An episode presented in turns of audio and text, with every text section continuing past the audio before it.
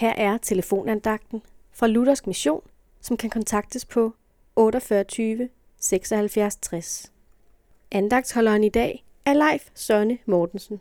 Hos et ældre menneske så jeg et billede med teksten, Betænk livets korthed, dødens vidshed og evighedens længde. Jeg stansede op og så lidt på disse ord. Vi vil her i radioandagten de følgende aftener se kort på disse tre ord, og i aften er det livets korthed. De fleste mennesker er glade for livet, og det har vi lov til at være, fordi det er en Guds gave.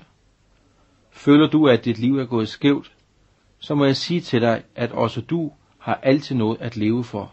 Gud har givet dig livet. Derfor må vi glæde os over, hvad vi får lov til at opleve, men vi må aldrig glemme, at livet her på jorden kun var en kort tid. For et er sikkert, hvad enten man er fattig eller rig, så ville vort liv engang afsluttes på denne jord. Alverdens rigdom og slotte har aldrig kunne forlænge livet her på jorden. Og netop fordi livet er kort set i evighedens længde, så må vi leve et liv, som Gud vil, at vi skal leve. Gud ønsker nemlig, at vi skal leve sammen med ham i troen.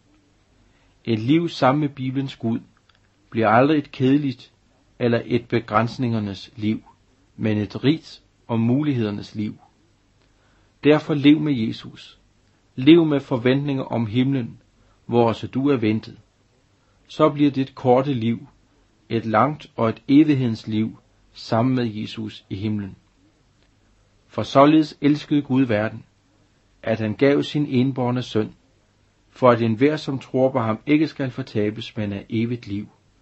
Sådan læser vi i Johannes evangeliets 3. kapitel, vers 16. Og disse vers, de gælder også for dig.